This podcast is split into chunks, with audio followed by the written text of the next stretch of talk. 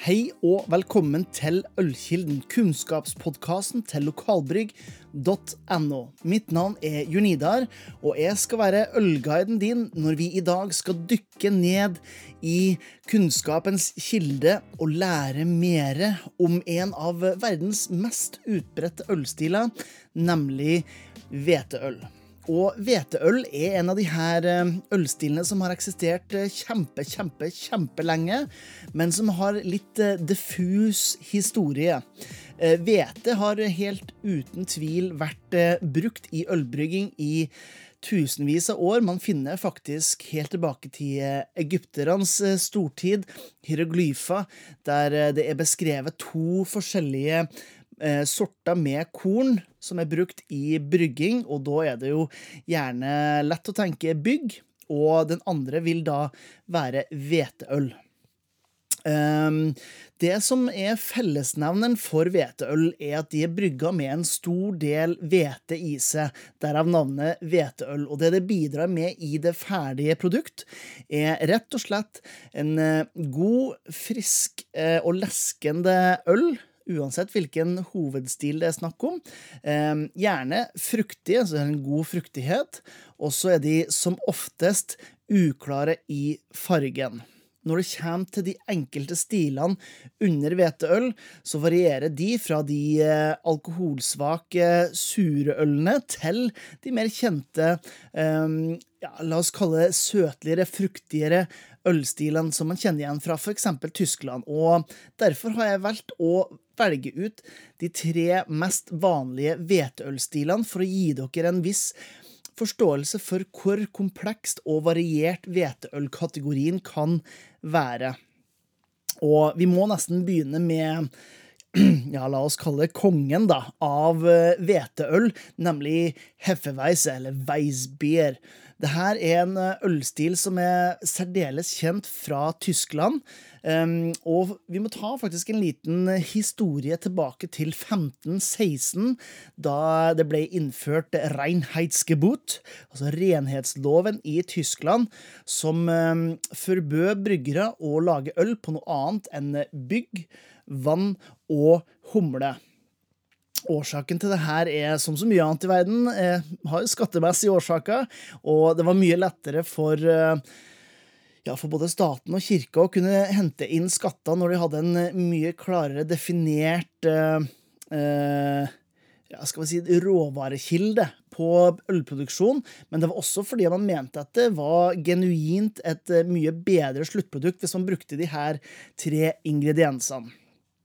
Eh, men det ble brygga til tross for at eh, det ikke var lov til å brygge med hvete. Så ble det brygga hveteøl.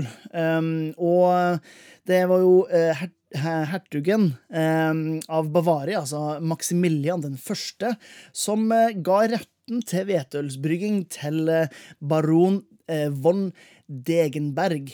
Um, og han fikk da i 15 jeg mener å huske det var 46, lov til av eh, hertugen å brygge øl med hvete. Og han fikk med de beste munkene man kan eh, tenke siden ølbrygging på den tida, som var med å utvikle et eh, godt og leskende øl som ble viden kjent. Og hvis du hører på det her, så hører du at jeg driver og på tvilsomt vis, faktisk, skjenke med en, eh, en hveteøl her. Og for de av dere som ser her på YouTube, så får dere her et hvetølsglass. Må faktisk bøye meg litt bak i, i stolen her. Et høyt, fint glass. Um, er jo ganske lett å kjenne igjen med den store høyden. Gjør at man har frislipp av eh, CO2 ganske, ganske fint. Eh, veldig fint utforma. Det, det virker leskende når man får det i et sånt stort eh, Eh, glass som det her.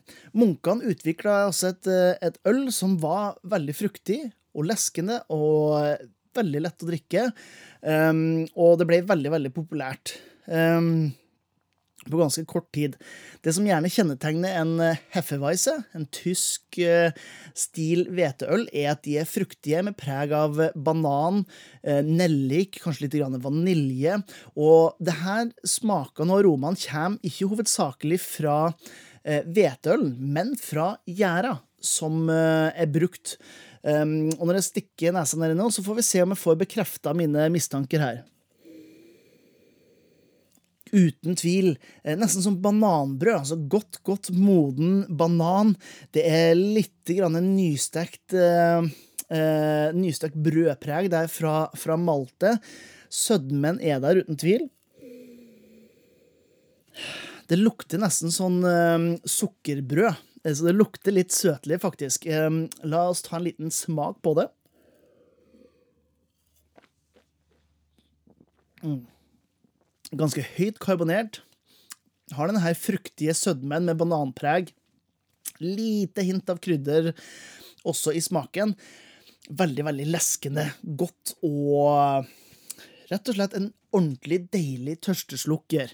Um, når man kommer til mat og Heffeweisen, da går tankene mine ganske raskt til uh, bratwurst. Det går til uh, fisk Ikke så um, ja, Faktisk veldig godt for noen type laks eller litt sånn feit fisk. Prøv å holde seg litt unna magre fisk. Eh, mye smak. Eh, salater. Og vet du hva, jeg tror faktisk det her hadde vært en kanonmorsom eh, øl å prøve med eh, vaniljebaserte desserter også, så det er Heffeweisen eh, for det. Eh, som nevnt, ølet ble veldig, veldig populært, men så kom jo lageren inn i spill. Renhetsloven eh, den eh, forsvant i 1872, og man hadde muligheten til å brygge hvetøl eh, på hvilket som helst bryggeri i Tyskland og flere andre steder i Europa også, men populariteten forsvant. Og det her merka hveteøl, og også den belgiske kusinen til Heffeweiser, nemlig Witbier, eller også kalt White Ale på engelsk. Det her var en ølstil som stamma altså fra 1400-tallet, de første dokumenterte tilfellene av hvitt. Og man snakker her også om en hveteøl der majoriteten av uh, det kornet som er brukt, er hvete, men man hadde i tillegg til en ganske fruktig uh, gjærstamme en tilsetning av appelsinskall og korianderfrø, som er med på å gi et ganske naturlig sitruspreg. Um, den holdt på å dø helt ut, og faktisk så var det siste hvittproduserende bryggeriet i Belgia um, det, det, stengte ned i 1957. Uh, ehm, en, en, aldri så liten katastrofe. Men da var det altså at Pierre Celis, vår helt i historien, kom inn og bestemte seg for at han ville ha denne ølstilen tilbake, og nærmest på egen hånd så starta han sitt eh, bryggeri i Hogarden, og storyen nå er jo selvfølgelig at hvitt er en ølstil som alle kjenner til, og det har vi ekstremt mye å takke eh, Pierre for. Eh, etter hvert så solgte han til et eh, stort bryggeri og flytta til eh, England. startet nytt brygg, nei, unnskyld, til USA og startet nytt bryggeri, som også ble solgt til et ganske stort bryggerikonsern. Men Pierre hadde da gjenvunnet Vittens tidligere historie, fått den fram i lyset igjen, og hvitt hadde ikke vært det det er i dag, hadde ikke vært for belgieren Pierre Celis, som da starta bryggeriet sitt i Hogarden. Når man lukter på det, så forventer man selvfølgelig et deilig sitruspreg, kanskje litt urter, um, mye mer mot uh, appelsin og rene smaker. Høy drikkbarhet på det også, og et perfekt øl til uh, litt mer sånn klassiske fisk- og skalldyrretter. Kanskje litt lakseseviche, hvis du har lyst på det. Eller um, også til sitrusbakt kylling, uh, hvis du vil være litt grann ja, hva skal man si, da? Litt grann spicy i ølvalget ditt til maten. Den siste hveteølen jeg skal ta for meg, er en eh, ølstil som stammer også fra Tyskland, men har helt andre karakteristikker enn Hefeweisen. Majoriteten av maltinnholdet i den ølen her er hvete, men Smaken er helt annerledes, og det er nemlig Berlinerweisse. Berlinerweisse er en ølstil som man ikke helt vet hvor kom fra. Eh, det er teorier om at det var belgere som kom fra Flandern i eh, Belgia, som eh, var vant til å lage syrlige øl, eller at det kom fra en videreutvikling av en øl i Hanover. Det man er forholdsvis sikker på, det er at stilen ble første gang nevnt på 1500-tallet, så en ganske gammel stil. Det som gjøres med det, er at den syrnes med melkesyrebakterier, og det kan man gjøre på litt forskjellige måter. Berlinerweisse kan du altså eh, syrne med eh, bakterier, altså en tilsetning av f.eks. Biola, som inneholder eh, melkesyrebakterier. Man kan ha en kjernesyrning, der man syrner mesken over tid. Og man kan tilsette ren melkesyre.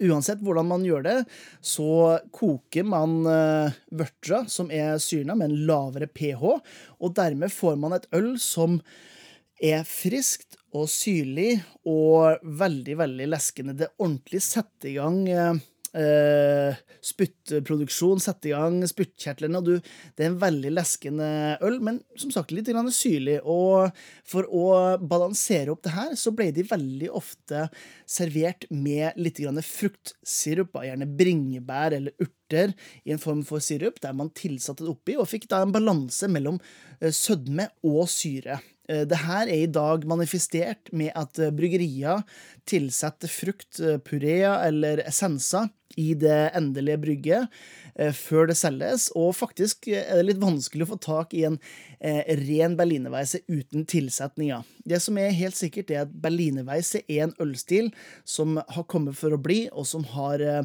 røtter langt tilbake til, eh, ja, til 1500-tallet, som sagt, og en, en, ølstil som har fått en revitalisering med flere håndverksbryggerier de siste årene.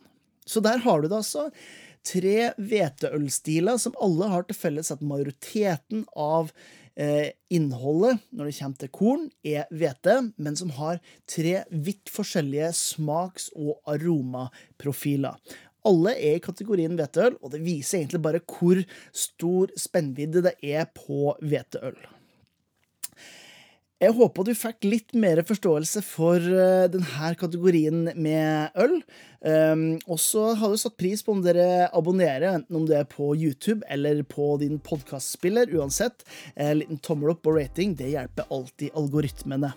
Uh, du kan selvfølgelig finne mer ølkunnskap, artikler og bryggeripresentasjoner osv. hvis du går inn på lokalbrygg.no. Og du finner oss jo som alltid på Instagram, Facebook, LinkedIn og ja, you name it. Der finner du lokalbrygg.no. Jeg ser allerede frem til neste gang vi møtes og kan dykke ned i ølkilden sammen for å lære litt mer om øl.